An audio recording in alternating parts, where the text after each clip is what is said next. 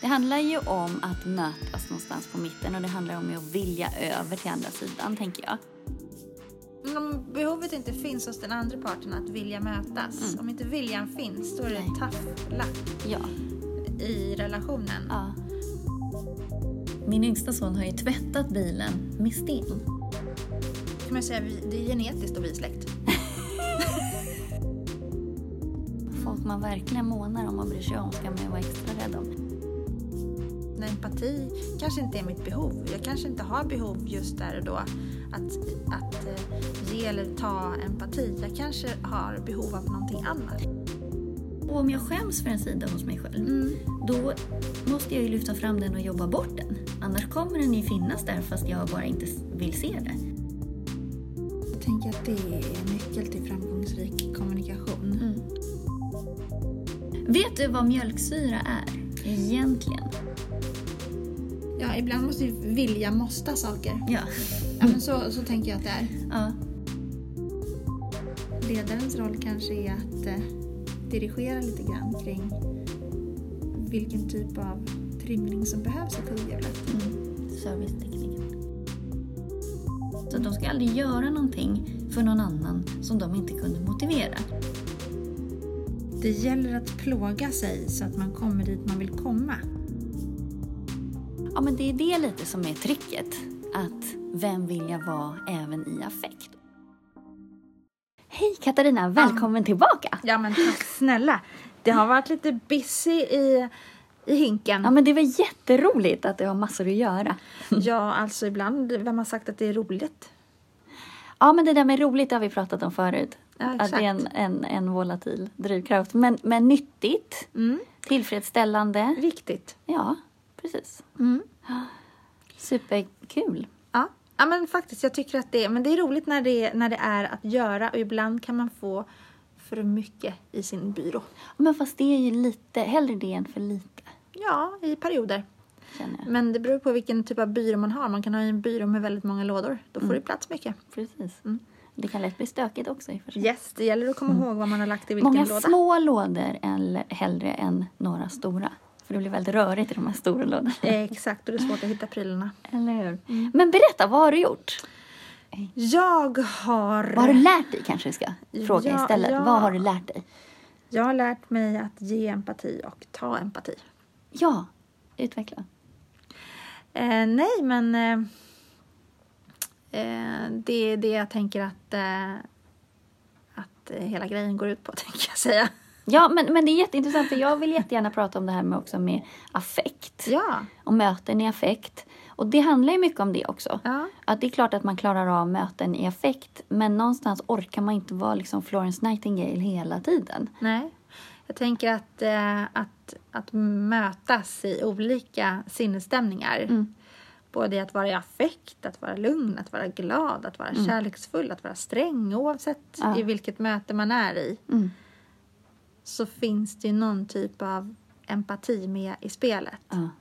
Jag tänker att, att vikten av att lyssna in Jätteviktigt. är så stark. Samtidigt är det ju viktigt att få också bli lyssnad på. Ja, och då kanske man behöver lyssna inåt. Mm. Vad är det jag behöver? Mm. Då lyssnar man aktivt på sig själv. Ja, precis. Ja, Om man är den personen som kanske får vara som soptunnan Ja. och behöva bära andras Mm. utmaningar och bekymmer. Då kan ju hinken lätt bli full. Ja, och då är det viktigt att säga stopp. Ja, då kanske man behöver fundera på vad, är det här den rollen jag vill ha? Ja.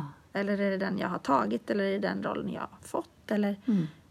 hur känns det för mig just nu? Mm. Vad är det jag behöver? Mm. Jo, men det är jätteviktigt. Annars kommer, hamnar man i affekt hela tiden nästan. Ja. För att man inte kan ta ansvar. Eh, vi pratade lite om det här eh, förra veckan när Tanja var här. Ja, Att om man inte tar ansvar för sina behov så kan man inte unna andra att tillgodose sina behov heller. Nej. Då blir det ju någon sorts undermedveten avundsjuka på något vis. ja, och jag tänker att ibland behöver man också faktiskt i perioder stå över något behov man har Mm, och ge företräde till någon annans för att vi ska ha det bra tillsammans. precis.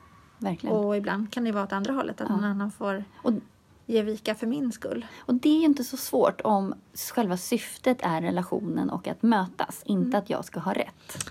Nej, För det är just det att när, när jag ska ha rätt, Mm. tror jag, Mm. då är jag i kamp. Mm.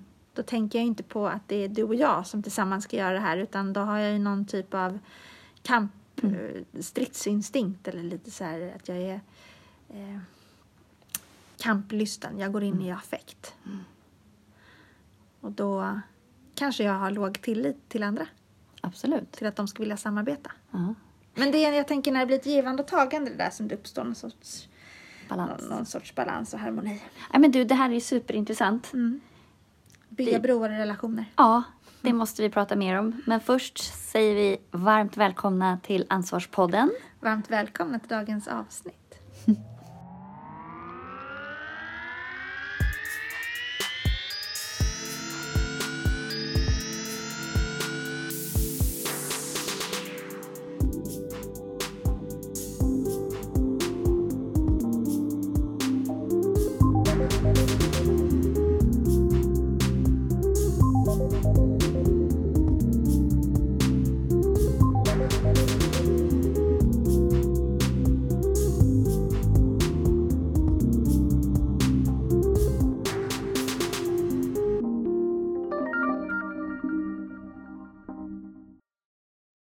Men det här med att bygga broar. Det handlar ju om att mötas någonstans på mitten och det handlar om att vilja över till andra sidan, tänker jag. Ja. Att vilja möta den här personen. Kanske där den står. Mm. Eh, åtminstone för att försöka förstå. Men om den personen då som står på andra sidan inte riktigt vill mötas. Mm. För så kan det ju också vara ibland fast man inte är medveten om det. Och det likställer jag lite grann med att man faktiskt inte vill komma överens eller man vill inte, det är inte, fokuset ligger inte på relationen. Utan det ligger bara på mina behov till exempel. Jag känner mig inte tillfredsställd i dem. Men om behovet inte finns hos den andra parten att vilja mötas, om inte viljan finns, då är det tough luck Ja, i relationen. ja, jag tänker att det bygger väldigt mycket på vilja. En vilja att hitta tillbaka, kanske om man har farit ut på glid lite grann Mm. i relationen. Men hur tycker du man ska göra då? Om man uttrycker att så här, jag vill mötas, den här relationen är viktig för mig. Mm. Eller jag vill åtminstone att den ska funka och så. Var ger man upp? Alltså just det här, för att jag har funderat på det eh, en del den här veckan. Alltså för det krävs ju två för att få ihop en relation. Ja, och om man klart. inte känner att den andra faktiskt vill det, Det kan ju vara som så att den andra personen faktiskt inte vill det. Ja, och var, för det, det är ju inte svårt att vara den som är lätt att ha att göra med en relation. Det är inte det som är grejen. Det kan alla göra. Eh, utan någonstans, hur långt ska man gå i det? Till slut blir det ju att man sätter på sig psykologhatten varje gång man träffar en, en specifik person. Och då, då är det ju inte mig den personen träffar, utan det, Det är ju en det- psykolog. Ja, det, lå- det låter som att, eh, är en hobbypsykolog? Ja, Det, det låter som att du har varit i en sån relation där det har... Kan det vara så?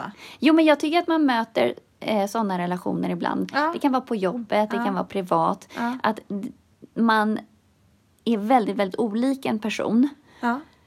Och så hamnar man i konflikt eller blir tillsagd att man gör fel på något sätt. Mm man beter sig illa eller vad det nu kan vara. Eller inte, man beter sig enligt, inte, enligt den här personens normer.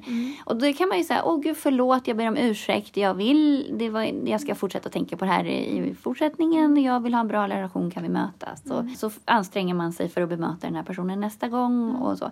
Men någonstans då tappar man ju jaget i sig själv, känns det som. Att då blir ju inte, det är inte jag som är i mötet med den här personen längre, utan det är ju en, en hobbypsykolog. Eftersom Ja, ja. jag anpassar mitt beteende efter så att den här personen inte ska få utbrott.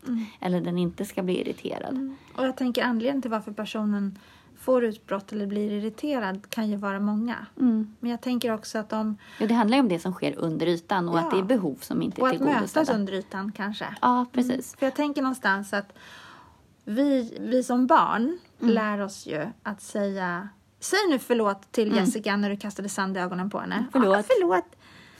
Eh, Nej, du ska mena vad du säger. Ja, du ska mena vad du säger. Jag tänker också att eh, man behöver ju också vara klar över vad man, var man tar emot, vilken ursäkt man tar emot eller är det rätt ursäkt jag tar emot? Ja, det kan jag känna. Det har jag varit i eh, några gånger där man ber om ursäkt för Jag ber om ursäkt för att jag har orsakat negativa känslor i dig. Jag ber inte om ursäkt för sakfrågan eller så, för det, jag har rätt att tycka vad jag vill. Men jag ber om ursäkt att vi hamnar i en konflikt över det här. Och där kan man ju alltid ta sitt ansvar och, och se till att det inte blir någon konflikt. Men jag tänker att man också... Jag tror att det finns en vikt i att eh, i sådana lägen ge empati. Att öppna upp för att faktiskt lyssna in. Vad är det jag har förorsakat dig? Ja. Jag blev besviken på dig när det här, det här hände. Eh, eller jag upplevde att du svek mig i det här, bla bla bla. Att, eh, Och eller det- att man kanske kan få ställa frågor. Precis. Varför blev du så arg? Ja. Jag blev inte arg, Nej, men jag upplevde, upplevde, att du blev ja. arg. Och när, du, när jag upplevde att du blev arg, då, då kände jag mig förminskad. Mm. Att, man, att man ger empati och öppnar Mm. upp för att försöka och lyssna in. Vad är, det jag, vad är det jag har förorsakat dig? Att verkligen vara beredd att ta emot det. Mm. Snarare än att säga jag ber om ursäkt för om du blev ledsen. Mm. Jag blev inte ledsen, jag blev skitförbannad och jag vill grilla dig. Mm. Att, att ge den andra personen möjlighet att berätta. Men om det har gått så pass långt att det är stängt att nej, jag vill inte prata med dig om det här för jag tycker du är fullständig. Ja, men det kan ju också vara i det läget att, att jag säger till dig då så här, jag ber om ursäkt att, att du har fått en negativ känsla och vill du utveckla och vill du, ja det vill jag, jag tycker att du är dum i huvudet och du ska skärpa dig i det här och det här och det här. Okej, det är ju också, då har man ju också stängt. Ja, då kan man säga vi, det är genetiskt och vi är släkt. nej, jag skojar. Nej men det är, det, det är lite det jag är ute efter. Hur länge, för då har jag gått in i en, en psykologroll på något vis. Om jag hela tiden bara, om jag månar om relationen så att jag anpassar mig hela tiden. För dig är det viktigt med den relationen. Ja. Men hur vet vi att det är viktigt för den andra? Jo men om det, jo men det kan ju vara att den till och med har uttryckt att ja men du gör alltid så här och så här. Ja, och det är ju ett uttryck för att jag trivs inte i ditt sällskap för att du gör saker som triggar mig. Så den här personen Och det- behöver kanske hjälp i att berätta vad är det du behöver då? Jo, men, nej, men det kan vara att man, man tydligt kan tala om exakt vad det är som då i det här fallet, vi säger jag då har gjort för fel. Det är inte så svårt att bemöta det Nej. på ett sakligt och ansvarstagande sätt. Men det jag undrar är att hur långt ska man gå i det här bemötandet? För att går man för långt, anpassar sig hela tiden och det blir ett minerat fält och jag hela tiden uttrycker Känns det här bra för dig? Hur tänker du? Hela tiden ger empati utan att få någon empati tillbaka. Då blir det ju inte jag längre som är i Nej. den relationen Nej. utan det är ju min hobbypsykolog. Ja, det blir 100% att vi gör precis efter din pipa. Ja. d- Och det är där lite jag undrar, var går gränsen? Det tänker jag inte verksamt. Ja, var tycker du gränsen går? Ja men det är det jag funderar på för att jag vill ju ha bra relationer. Så, Så, så, när jag, kan man kalla det en bra relation? alltså jag vill ju att jag vill ju inte att folk ska känna sig trampade på eller åsidosatta. Eller, jag vill ju att, folk ska må bra runt omkring. Så att de ska må bra. Ja.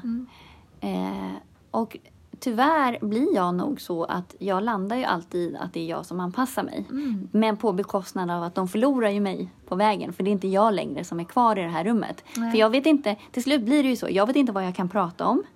För jag vet inte när det smäller.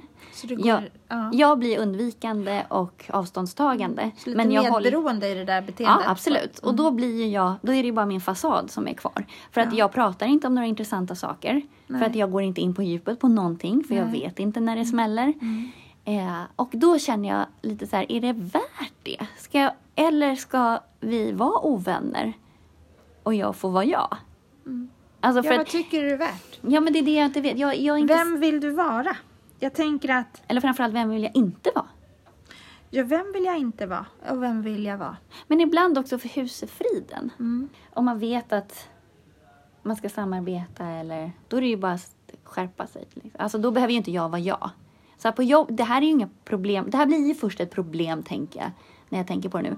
Det blir ju först ett problem i privata sfären. För på jobbet är det inget problem. Jag behöver inte vara jag på jobbet på det sättet. Och sen också är det ju, det både i ditt och mitt yrke, ingår det ju att vara hobbypsykologen. Alltså du ska jag, ju bemöta jag, jag folk. tänker på- någonstans att om man, om man tänker att man har tre olika hattar. Mm. En hatt där man är yrkesmässig. Mm, En, yrk, en hatt där man är personlig. mm, Och en hatt där man är privat. mm, Det är när det privata kommer in. mm. Om man korsar in det, det privata i det personliga och yrkesmässiga i sitt yrke. Mm. Det är då det geggar ihop sig. När det kommer liksom när kritik kanske kommer innanför blusen eller så. Mm. Jag när man är privat och är med de personer man är trygg med, Mm. då kanske vi är lite mer slarviga med att uttrycka oss. Vi kanske vågar säga, vi har mod att säga lite mer right on vad vi faktiskt upplever. För vi har tillit till att du står kvar även när jag beter mig som en idiot. Men det där kan jag opponera mig lite mot. För att Mm. jag tycker inte att det, Jag tycker aldrig att det är okej att bete sig som en idiot. Det är det aldrig någonsin, men jag hävdar att man kanske Om du- vågar säga tuffare Ja. saker direkt till den som man har Fast det ska ju en vara djup relation med. tvärtom. Folk man verkligen månar om och bryr sig om ska man ju vara extra rädd om. Mm. Och det där kan jag känna så här, okej för barn. Mm. De kan ju röja runt och så. Det är en del av att växa upp Mm. och testa mot mamma och pappa och, och sådär. Men jag är inte så säker på att jag tycker att det är okej när vuxna gör det. Nej, och jag tänker att vi vuxna, vi är ju inte mer vuxna än vi gör oss. Nej, precis. Vuxen är jag ju ingenting tänker att man... vuxen, bara för att man har fyllt en viss Nej, ålder precis. eller har uppnått en viss Ja. längd eller vad det nu är. Ja, så är man inte vuxen. Eh, Det betyder inte att man är under stress och press och eh, i vissa sinnesstämningar orkar vara vuxna. Nej. Om man nu kallar vuxen är att, att kommunicera på ett empatiskt sätt. När vi hamnar i stress och press och affekt, Ja. det är då vi hamnar i försvar. ja, men gud, det är ju inte så himla svårt att vara trevlig och gosig och sådär när Nej, man men är när vi lugn. är, när vi är i försvar, då Ja. har vi blivit kidnappade, Mm. tror jag, av en annan del. Fast jag tänker över. nästan att det är ju då man verkligen visar vem man är. Ja, man visar i alla fall den delen. Det är Ja, inte men jag- hela jaget.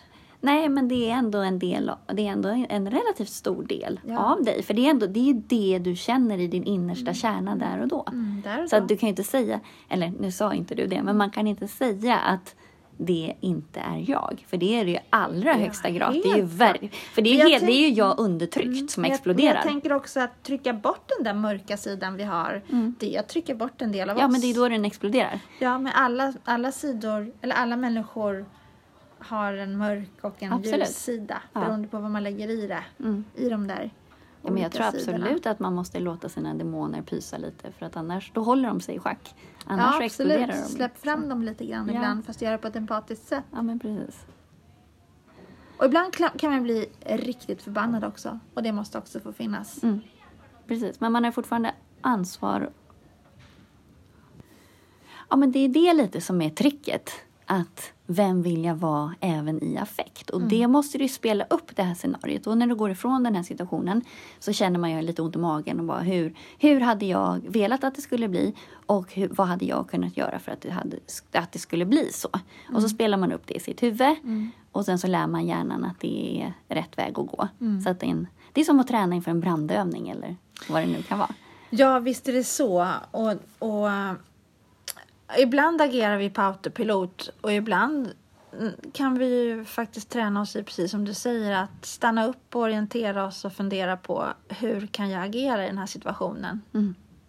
Men ibland när vi attackeras av de här känslorna Mm. så det kan ju bli som en fullkomlig attack, en känsla som uppstår. Mm. Kommer från blixt, Ja, ja. som blixt från klar himmel, man vet inte varför.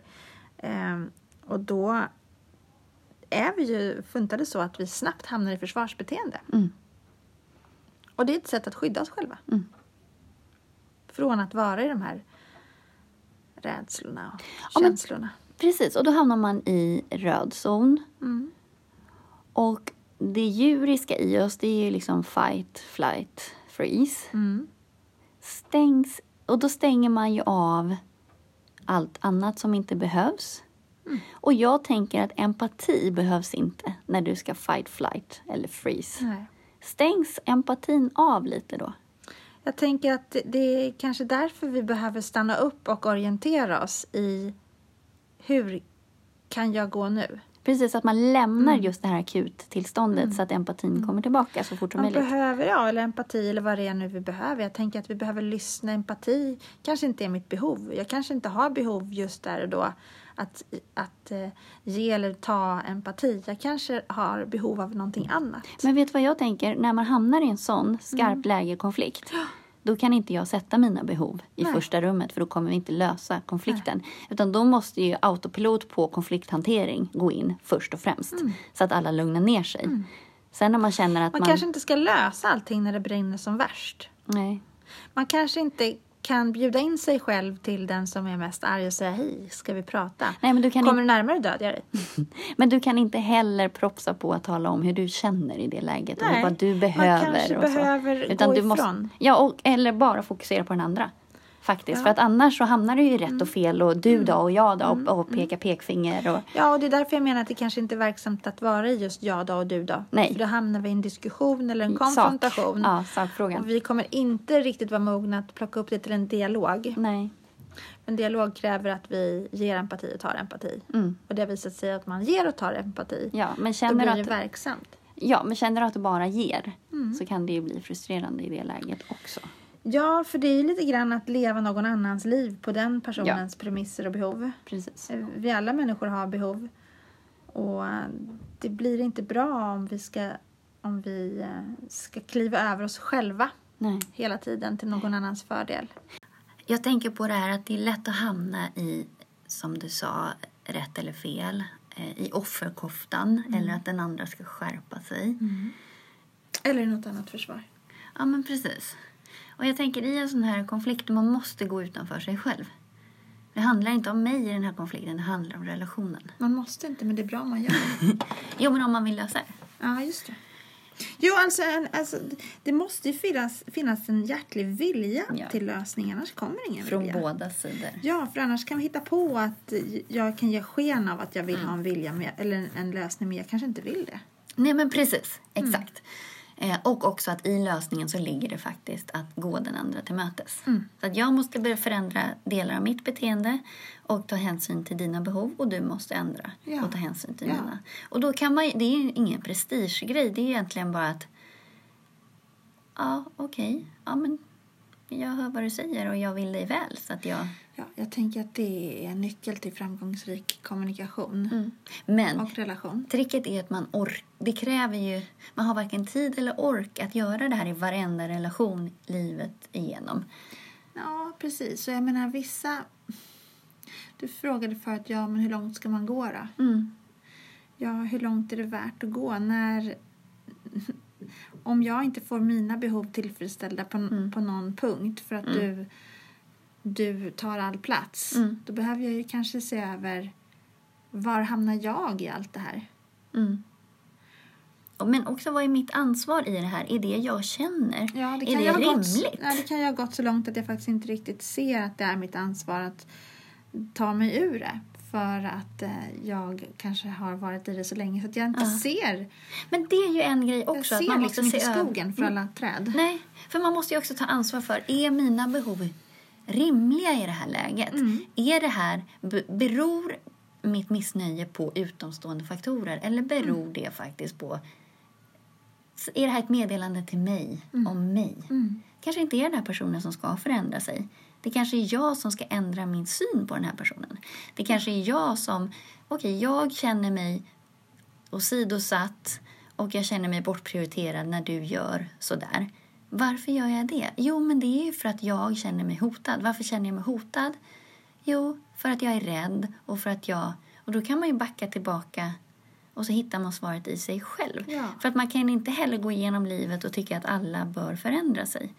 För jag kan inte ändra andra människor, jag kan ju bara ändra... Jag kan bara hantera min egen skattkista. Det som ligger utanför är väldigt svårt att hantera. Ja, och, Om jag lägger mig här och sprattlar på golvet kan inte du påverka det. Men En- du kan prata med mig om det. Varför? Jag tänker om man ser inåt ja, och ser sig själv. Mm. Man ser både sina mörka och kanske mer ljusa sidor. mm, Utan att värdera om det ena är bra eller dåligt. mm, Att vi bara har olika sidor. Mm. Och varje sida har ju, fyller ju sin funktion. Mm. Sen kan man ju fundera lite grann på vilken funktion tjänar mig mer. Precis, och vet du, då har jag faktiskt tänkt på en grej. Det har hjälpt mig jättemycket. När jag bytte lite paradigm, eller liksom lite syn, att jag utgår från att alla vill mig väl. Mm. Det är väl en härlig insikt eller en härlig tanke, men vill alla väl? Nej, men det, det är relevant. För när jag utgår från att alla vill mig väl, då hamnar inte jag i... Då, eller hamnar i konflikt, synlig konflikt hamnar jag inte i så ofta, men jag blir inte lika ledsen av andra människor, för jag tolkar inte deras handlingar som att de vill mig illa. Nej. Utan jag försöker alltid tolka det från Du vill mig väl. Vad är min miss i det här? Vad har jag missat att se? Jo, men okej, du är bara trött. Eller du, det handlar om, om att du hade en dålig dag på jobbet. Eller, istället för att tolka det som att du hatar mig. Du tycker inte om mig. nej. Du Jo, vill, precis. så. Jag tänker vad du är inne på, det är just det där eh, viljan till att se människan bakom beteendet. Mm. Eh, Jag tänker att om man liksom lyssnar om man lyssnar inåt, Mm. Vad, vad är meddelandet till mig själv, vad behöver jag? Mm. Då blir det lätt, lättare att lyssna utåt. Precis. Om jag ser mig själv, både, alltså alla mina sidor, Mm. och inte trycker bort att jag faktiskt har vissa beteenden och vissa sidor. Mm. Att de också behöver få finnas. Men jag kanske inte vill använda just den delen av mig själv så mycket. Någon annan del av mig kanske behöver få ta större plats just nu för att jag ska må bättre. Ja, och om jag skäms för en sida hos mig själv, Mm. då måste jag ju lyfta fram den och jobba bort den. Annars kommer den ju finnas där fast jag bara inte vill se det. Jag måste, jag inte, jag, den? jag måste inte göra det. Nej. Men jag skulle kunna göra det om jag Nu, vill. nu utgår jag från mig själv. Jag känner så, att jag måste Mm. arbeta bort den Ja. då. Eller du kanske vill göra det. Nej, men jag känner att jag måste det. För att jag vill inte, om jag har en sida jag skäms över så vill jag ju inte ha kvar den. Mm. Och då måste jag ju arbeta bort den. Ja, eller jag inte- tänker att om viljan finns att göra det, då ökar chansen kanske. I alla fall för mig är det så. Om jag vill göra någonting, Mm. då ökar chansen för att jag ska nå mitt mål. Men jag känner att jag måste göra det. Mm.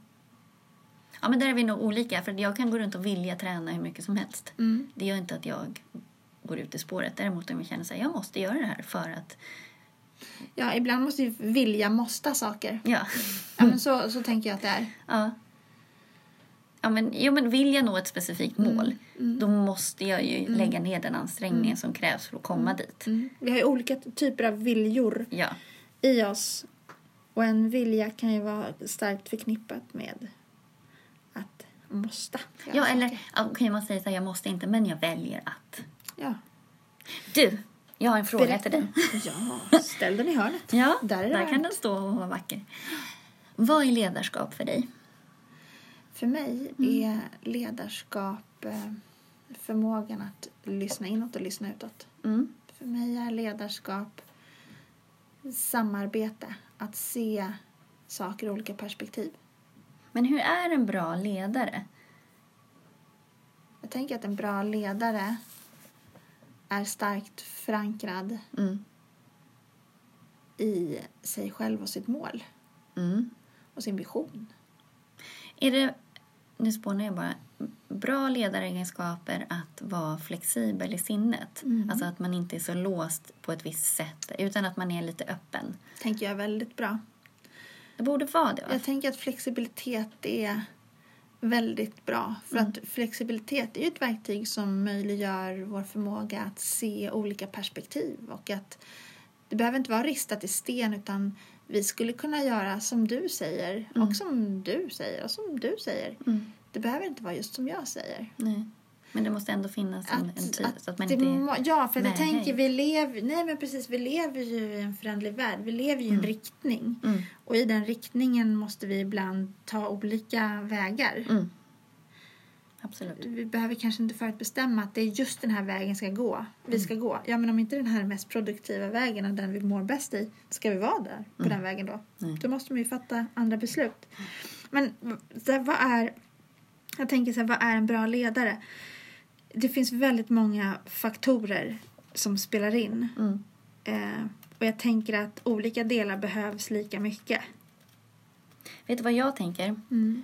En bra ledaregenskap och en egenskap som gör att jag känner väldigt stor respekt för de här människorna som har det är den här prestigelösheten. Att, de, har- de, att det här professionella jaget på något vis, att de tar inte saker personligt och de behöver inte hävda sig själv. Utan de, är, de har ett mål och sen tar vi nödvändiga vägar för att nå det här målet. Det måste inte nödvändigtvis vara min idé. Nej. Och om någon tycker någonting så betyder inte det att jag är en sämre person. Alltså, utan de har liksom lämnat sitt ego hemma. Ja. Jag tänker att en god ledare kanske också tänker, eller beroende på vilket ledarskap vi talar om, Mm. så tänker jag att, eh, att vi, om vi ser oss som kugghjul Mm. och om varje medarbetare är som en kugge Mm. i det här hjulet, Mm. då tänker jag att eh, varje kugge behövs ju. Ja. Om en kugge går av då Mm. kommer hjulet inte att snurra lika, lika bra och harmoniskt. Och då tänker jag att eh, ledarens roll kanske är att eh, dirigera lite grann kring vilken typ av trimning som behövs i kugghjulet. Mm. Servicetekniken. Ja, lite så. Okej, det tänker jag på min... Hoppar jag ämne här helt. Min bil har ju gått sönder. Apropå kugghjul. Ja, apropå kugghjul, för det är någonting i växellådan eller kopplingen. Att den bara spinner i varvtal. Men jag, du vet när man, när man startar en bil och så lägger man i ettan och så ska man köra. Då känns det ju som det någonting hakar tag i någonting. Någonting. Ja, Och det, det bara... gunk. säger Nej, det. nej, det är inget, händer ingenting. Alltså, Nej, så här, det slirar. Ja, det in, nej, det slirar inte. Det, bara, det finns ingen kraft. Mhm. Så jag har ju åkt runt här nu i två dagar. Nu har jag fått låna min mammas bil. Hon är helt fantastisk. Hon är alltid så där, men ta min bil och så här jätte... Herregud, vad skulle man göra utan sina föräldrar? Ja, jag vet inte. Men i alla fall. Eh, och när, innan då så körde jag ju runt med min bil med varningstriangeln på hela tiden för jag åkte ju så långsamt. Och minsta lilla backe som kom, då bara så bara åkte jag typ fem kilometer i timmen. Folk gick, pensionärerna gick förbi mig och bara ursäkta, ursäkta. och sen, jag kommer upp för krönet, jag kommer upp för krönet. Jag var tvungen att välja väg. Så i- igår när vi åkte då bara Nej, vi kan inte ta den vägen för det är för lång backe. Vi kommer vet inte du, komma vet, upp. du, vet du, jag skulle, jag skulle ha vetat det här för att häromdagen så, eller det var ett tag sedan så låg jag bakom en kille som körde EPA-traktor Ja. på Värmdö. Ja. Jag vet inte om jag berättade för dig. Nej. Och då jag höll på att garva läpparna av mig. Då står det så här på hans bakruta. Eh, jag vet, det går väldigt långsamt, Mm. men jag ligger ju först. Ja, men jag, det, berättade, det har väl jag berättat för dig? Att jag låg bakom ett sån här äh, grävfordon som hade en, äh, en skylt längst bak. Med, han hade en varningstriangel också, det gick ju väldigt långsamt. Så stod det så här, du är först i kön. Var god dröj. Underbart. Jätteroligt. Ja. Men nu har jag i alla fall åkt, åkt runt i en bil som fungerar. Men jag tänker, jag var så glad så fort den där bilen liksom tog mig från... Men, men Att vet, den rullar Att den rullar fram. Du vet, så jag, Jag, jag, kommer ju få köpa en ny bil och det är lite tråkigt. jag kanske kan lämna in den på en service. Nej men vet du, jag tror att om, om det är växellådan, Mm. det kostar ju typ 30 000. Fråga mig inte, jag har ingen aning. Nej, och den där bilen är ju värd typ, det är ju massa barn som har, min, min Kräkts i bilen. Ja men typ, nej men de har ju bara levt i den där bilen. Så nu min, lever yng- en bil ur den bara, den låter inte bra. min yngsta son har ju tvättat bilen med sten, bland Ah. annat. Eh, så att, eh, ja det kanske är läge ändå att köpa en ny bil tänker jag.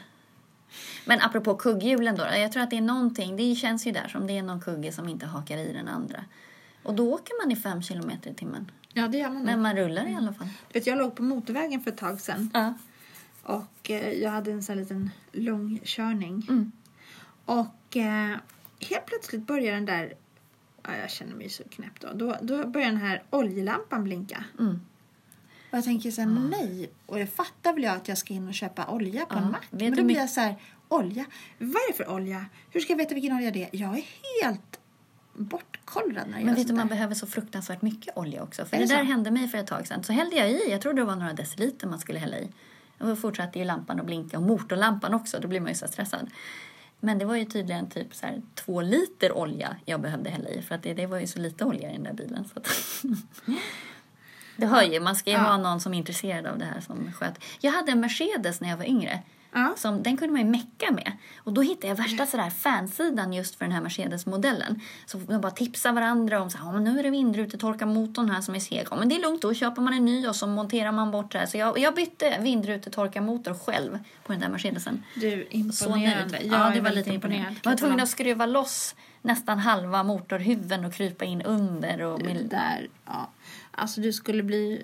Jag skulle bli väldigt förvånad om jag hittade mig själv under en bil meckandes någon gång. Du vet, jag kan inte sånt där. Eller jag- vet du vad, jag har väl kanske inget intresse av att vilja kunna. Nej men precis, det är bara att lära Det är sig. väl mer det. Ja. Eh, Däremot kan jag tycka att eh, fixa och dona, måla, kakla. Mm. eh, inte, vi har aldrig gjort. Men jag kan tänka att det är kul. Eh, Ja, men Eh. det är inte så svårt heller. nej, men alltså göra såna här eh, hands-on grejer. Ja. Jag gillar det. Ja, jag är också lite doer. Mm. Jag har lagt om ett tak själv. Sådär. Ja. Och jag har renoverat badrum själv. Jag har nästan, alltså jag har nog renoverat alla rum i mitt hus. Ja, det är impressive kan jag tycka. Jag har bytt färg. Rivit väggar och satt in dörrkarmar och sådär. Ja, det är strångt gjort. Hur svårt kan det vara? Lagt eh, värmegolv har jag också gjort. Ja, det har jag aldrig gjort. Ja, ja. Ja, men det är pyssligt och bra. Eller hur? Eh, Du, jag fick en fråga här eh, häromveckan. jaha. Eh, Hur svarar du på den? ja, precis. Eh, som jag tänkte fråga till dig, se om du Oj. vet. Mm. Jag svarar Vet- nej på förhand. Ja, Okej, på A svarar jag. Flodhäst och på Ja. B har jag inget svar. Vet du vad mjölksyra är egentligen? Ja. Vad tänker du om jag säger så här, ja men nu får du mjölksyra? Jag tänker att det är ett, eh, en syra som frigörs i kroppen Ja. när man utsätts för hård press. När musklerna får jobba frenetiskt. Mm. Jag hittar på nu. Mm, jag förstår det. Så, så tror jag att eh, det uppstår något kemiskt, för det gör alltid det. Och då, när det här kemiska uppstår, då, då slår mjölksyran till för att Det finns inget som heter mjölksyra. Exakt, det var dit jag ville komma om du avbröt mig.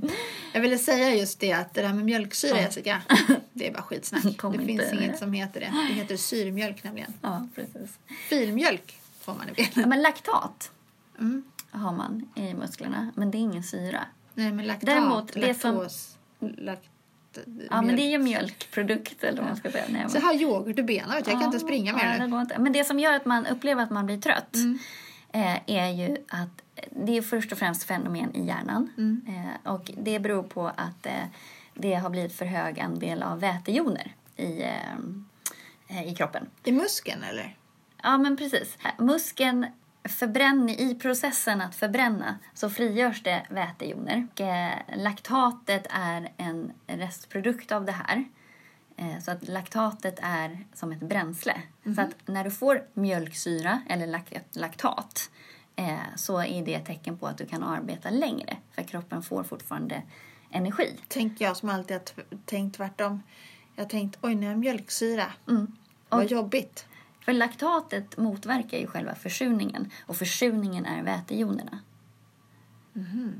Så, Så att, att du, du kan mäta antalet vätejoner indirekt genom att mäta laktatnivån. För ju fler vätejoner du har, desto mer laktat frigörs för att ta bort de här vätejonerna.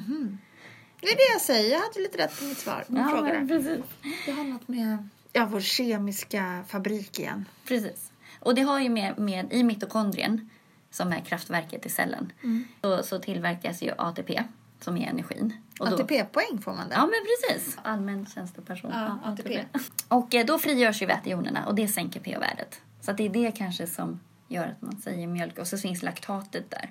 Och där är missförståndet med att det är mjölksyra. Mm. Okej. Att ingen syra. Nej, men precis. Men då om man fortsätter att springa så, så samlas ju laktatet på. Mm. Det blir ju mer och mer och mer. Mm. Det skickas till levern eh, och görs om då till ny fräsch energi. Mhm. Och Ja, alltså herregud. Vilken... som skickas tillbaka till musklerna. Jag springer runt det som maskin. Eller hur? Då skickas tillbaka till musklerna, ja. Energin, ja. Så att man ska orka lite mer. Ja, de här sura vätejonerna tas om hand av blodets buffertsystem. Mhm. Och det är det, när man inte klarar av det så blir det jobbigt. Och det är då den här signalen till hjärnan kommer att du är trött. Eh, Men det här, eh, när vätejonerna tas om hand av blodet, då är det i form av bikarbonat. Och det finns ju teorier om man äter bikarbonat att man tål mjölksyra då, alltså situationstecken mjölksyra bättre. Men det gör att man kan hantera vätejonerna bättre. Och det sägs man ju också kunna göra om man dricker rödbetsjuice till exempel. Jaha. Då kan man också hantera vätejonerna bättre. Men just det här med bikarbonat. Det finns ju, man kan ju äta bikarbonattabletter eller bara bikarbonat. Ja, säg nu inte att jag ska äta bikarbonat också. Nej men du tränar inte så hårt så du behöver göra det. Hur vet du det? Okej, det är min... Utifrån hur du har beskrivit dig själv tidigare så drog jag den slutsatsen. Jag däremot, det här har ju också med en försura... Viss mat du äter kan ju försura kroppen. Mm. Citron har jag hört. Ehm, nej, du ska äta citron om du är försurad. Ja. Mm. Men det finns ju en sån här Vadå? hälso... Hur vet man att man är försurad? Det kan du googla på. Om du är så här försurad, basisk kropp till exempel. Hur vet man om man har en basisk kropp? Men, ja, men, eh, det ser man dels, du kan mäta urinet, Mhm. eh, pH-värde där. Inte för att det ger någon... Alltså är det något viktigt om man är basisk? ja, men det är faktiskt det folk som tror på de här. Det finns ju en massa olika hälsoteorier och så. Ja. Men att ha en, en bra balan- pH-balans i kroppen Mm. är faktiskt viktigt. Och det också förändras ju med stress och dåligt mående och sådär. Så att äter man då mat som Varannan dag kalktabletter, varannan dag citron. Mm, eller hur? Ehm, Men då kommer man in på hela den teorin också med att vara försurad eller ha då mycket vätejoner. Eh, För i den teorin så äter man ju också bikarbonat. Det var det jag skulle komma till. Förstår. Precis. Eh, Om man då vill träna upp sin förmåga att hantera de här vätejonerna, vet du hur man gör då? Man springer i smärta. Ja, precis. Nej, men dels Nej, handlar det men, om... eh, eller? Dels handlar det ju om att eh, kroppen har ju en adaptionsförmåga, eller den anpassar sig. Och mm, du får ju vätejoner när mitokondrierna inte klarar av att omsätta tillräckligt med Mitokondrierna, det var lilla energikraftverket. energikraftverket i cellen. Och det finns flera sätt att göra energi på i kroppen, förutom i mitokondrierna. Men det är det som är när du har tillgång till syre. Det är det som är prio. Så. Så Eh, Sen andas kan det vara i citron... Ja, Andas citron, mycket och fortsätt springa. i citronsyracykeln så, så kan man också tillverka energi. Men man kan träna upp det här så att du kan träna på så att du får fler mitokondrier. Och det, kan du, det gör man genom att variera träningen. Vi säger, vi säger att vi är löpare och då kan man köra intervaller. Och fartlek det är att man ökar, man springer en viss sträcka och sen så bara ändrar hastigheten under det här passet. Så att du tar i extra mycket i alla backar eller att du springer ja, några minuter vanligt och sen tar i och så att det blir en varierad hastighet. Det leder ju till fler mitokondrier och en bättre liksom, cellulär infrastruktur. Det gör ju att vi kan ta hand om de här vätejonerna, att vi transporterar bort dem och att de inte ens uppstår för att vi, vi kan ha tillgång till syre hela tiden. Sen så också kan man ju gå ut och köra ett långpass först och sen så köra några intervaller på det till exempel.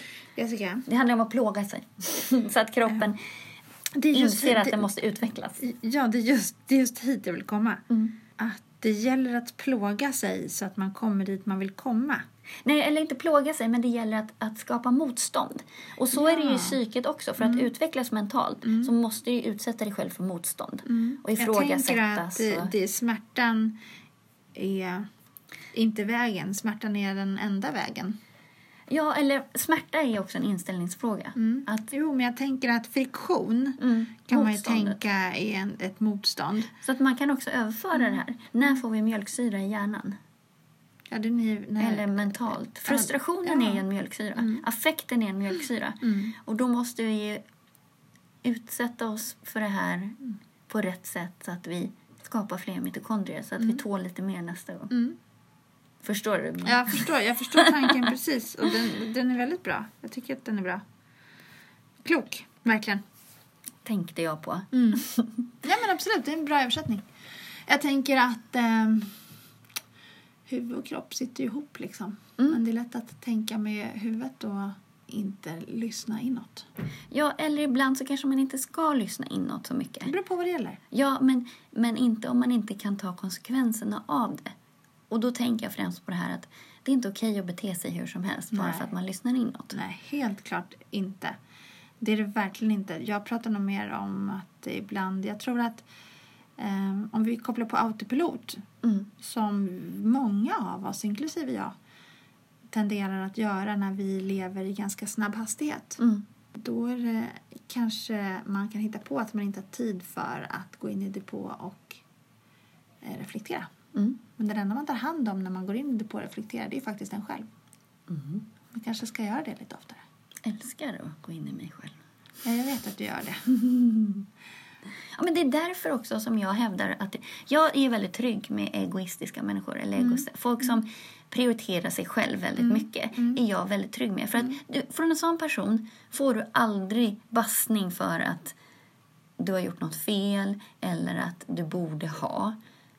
För att dels upplever jag att de tar ansvar för sig själva och sen så är de så på klara med vad de behöver och inte behöver så de ska aldrig göra någonting för någon annan som de inte kunde motivera.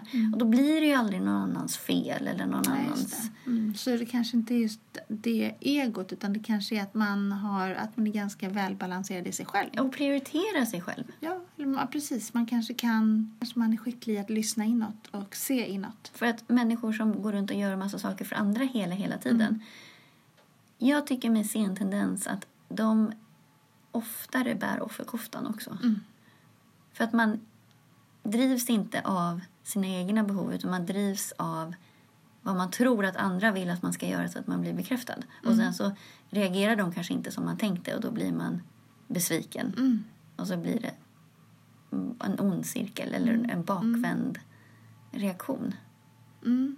Ja, när, när, när den som man är i friktion med beter sig på ett annat sätt man hade önskat. Mm. Det är då det ofta skiter sig. Ja. ja, jag tänker att det är lite det som händer i, i det här då när man kommer i den här typen av konflikt som jag beskrivit tidigare. Mm. Förväntning i förhållande till faktiskt resultat. Jag tänker att min vilja blockeras Ja. av någon annan. Och då agerar vi. Ja, Och då kan det ju, det är då det uppstår friktion om det kan vara som så att det finns en blockering Mm. i det jag önskar. Mm. Eller att mitt, mitt varande eller mitt mående bygger på vad du gör eller inte gör. Mm. Det gör ju inte det hos en egoistisk människa. Nej. De bara kör ju sitt race. Mm.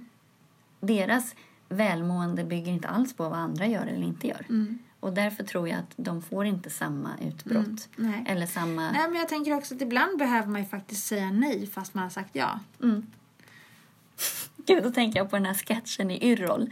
När hon bara, eh, de ska åka till Alperna. Susanne, Susanne Reuter ligger i sängen och inte alls klätt på sig och Peter Dalle kommer och ska hämta henne. Och så bara, men taxin står ju här nere, vad är dina grejer?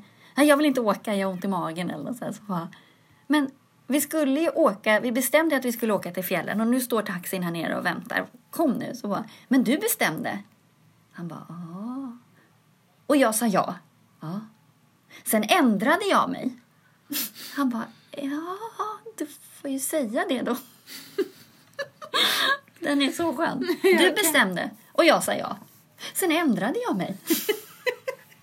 Undrar om det är så här ni- nidbilden av kvinnor. Bara, du kan ju inte...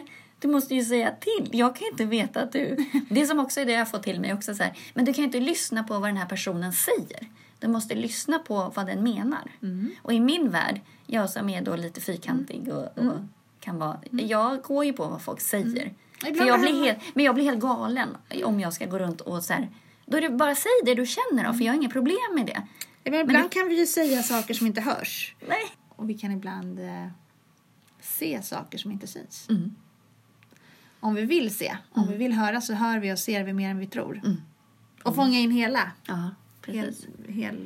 Jag känner ändå att i, i, i kommunikation för att undvika missförstånd Mm. så är det ändå alltid bättre att bara säga vad man menar. Mm. Men ibland säger människor precis tvärtom. Ja, men så där är min, min yngsta son när han hamnar i inträngd i ett hörn. Mm. Han har sagt väg, han är så här trotsig. Så säger han nej, jag håller på och brakar om det och tjafsar. Och så till slut när, man, när han har lugnat ner sig och så, så ska han försöka ta sig ur den här situationen. När man bara, men du sa ju nej. Ja men alltså mamma, när jag säger nej så menar jag ja. Men vet du, det är mycket bättre om du bara säger ja då. Så slipper vi hela den här konflikten. För att jag går ju på ditt nej. Mm. Och, och den poletten har inte riktigt trillat ner än. Men det är ju det är en, det är en omskrivning när han väl kommer till den men där. jag tror att han, ligger, att han ligger väldigt nära sanningen. För jag tror att ibland säger vi ja fast vi egentligen behöver säga nej. Ja, för att han är automatiskt nej-sägare. Ja, men jag tänker så här att många gånger även vi vuxna Ja. säger ja per automatik för att, för att vara till lags eller för att inte vara till Men- besvär eller så. Och då behöver man jobba på sin integritet. Absolut. Och då kan det ju vara som så att när man då bryter mönster och plötsligt säger nej, Mm. ändra det beteendet. Bli nej-sägare mer ofta. Eh, då kan ju människor omkring en reagera. Fast vet du, jag slår ett slag på det här att köra sitt race. Det tror jag också. För att då blir man mer pålitlig, Mm. mer enkel att ha att göra med. Mer, man vet exakt vad man har den personen. Ja. Det blir inga missnöjesutbrott eller någonting sånt. Så bara jag tydlig slår med ett... att jag behöver det här just nu. Ja, jag vill, jag vill Lite grann, som vi hade, lite grann som vi förra veckan var jag lite ego. För att jag sa att jag hade faktiskt inte möjlighet att träffa dig. Ja, men du, var jag det, verkligen tvungen att säga det. ja, precis. Och det är bra. Mm. För att annars kan ju konsekvenserna bli väldigt stora. Det kan ju få större konsekvenser. Ja, ja, Annars. absolut. Ja, ja. Ja. Jag tänker att eh, det är bra att man säger som det är. Ja. Men man ska vara medveten om att alla inte gör det. Men så länge, man har ett, man, så länge jag är trygg att vi har ett gemensamt mål, då är det helt fine. Så är det ju. Ja. Ja. Men du, Berätta. jag tänker på det här, jag tycker att det här är väldigt intressant och man kan hålla på och prata om det här hur länge som helst. Ja. Eh, men jag tänker att vi kommer behöva runda av lite nu. Ja. Men det här med affekt, jag kommer fortsätta att fundera lite på det. Eh, Så att vi kommer Ja, säkert... och fundera på hur många hinkar till det är värt att bära. Jo, Och när är det dags att lägga ner? När är det så här att men det här är faktiskt inte min skattkista, jag kan inte påverka det. Och den här, den här relationen gör inte att jag blir mitt bästa jag Nej. och du blir inte ditt bästa du. Vi blir inte vårt bästa vi. Vi kanske behöver ta ett steg åt sidan. fast är det relationer som är väldigt nära så har man inte riktigt det valet heller. Om man inte vill ha det valet har man inte det valet. Mm. Men det blir Jag tänker att även fast det tar energi på det sättet Mm. så tar det ju också energi att faktiskt i en nära relation gå runt och vara känna att man inte når varandra. Mm. Alltså att en, en relation som skaver tar ju energi oavsett om man väljer att gå in eller ut ur den. Då kan man ju aktivt Så länge den är där. Ja, men då, man kan ju då aktivt välja att eh, den här relationen har just gått ifrån att vara en nära Mm. relation till en eh, relation som jag har i närheten. Och det är helt okej att man vilar Och det i kanske det. behöver få vara så en stund. Faktiskt. Att, den finns, att man kan laborera lite grann med orden, begreppen. Och det betyder inte det att man vill varandra illa. Det betyder inte att man har stängt av. Det Nej. just nu finns du i närheten, du är inte nära. Nej, precis. Och det är helt okej. Men det betyder inte att det, inte att det alltid kommer att vara så. Men Nej. just nu Mm. så är det så. Ja. Ingenting är statiskt, allt är förändligt. Har du eh, börjat äta potatismjöl då? Du, Eller eh, omega-3? Du, omega-3 har jag fasen inte börjat. Det känner jag är sämst. eh, men magnesium, Ja.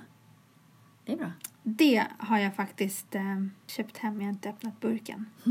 Jag köpte den på, på hälsokosten. Bra. Och då tänkte jag att det var något mer jag skulle köpa. Men det var jag lite, hade lite ont om tid. Men annars eh, har man inget att se fram emot så att det är bra. En sak i taget. Eller hur? Du vet, jag och piller. Men eh, nu vet du vad mjölksyra är också. Och vi måste fortsätta att träna Men det våra finns inget mentala som heter det så jag förstår inte vad du pratar om. Nej, precis. Då fortsätter vi att träna våra, även våra mentala vätejonsöverskott. Ja, mycket bättre, Mm. eh, mycket bättre sagt. För att jag tänker att när du säger mjölksyra så talar du med kluven tunga. Och kluven tunga talar bäst. Absolut, man säger fler saker och kan prata om fler saker samtidigt. Men du, jag hoppas att vi syns nästa vecka. Du, det hoppas jag med.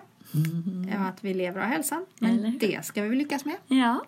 Puss och kram på det här. Och glöm inte bort att komma på vårt event 26 maj. Jajamän. Gå in och kolla på vår Facebook-sida så finns det mer detaljer där. Read and tell. Vi hörs och syns. Absolutely. Ciao, ciao. Ciao, ciao!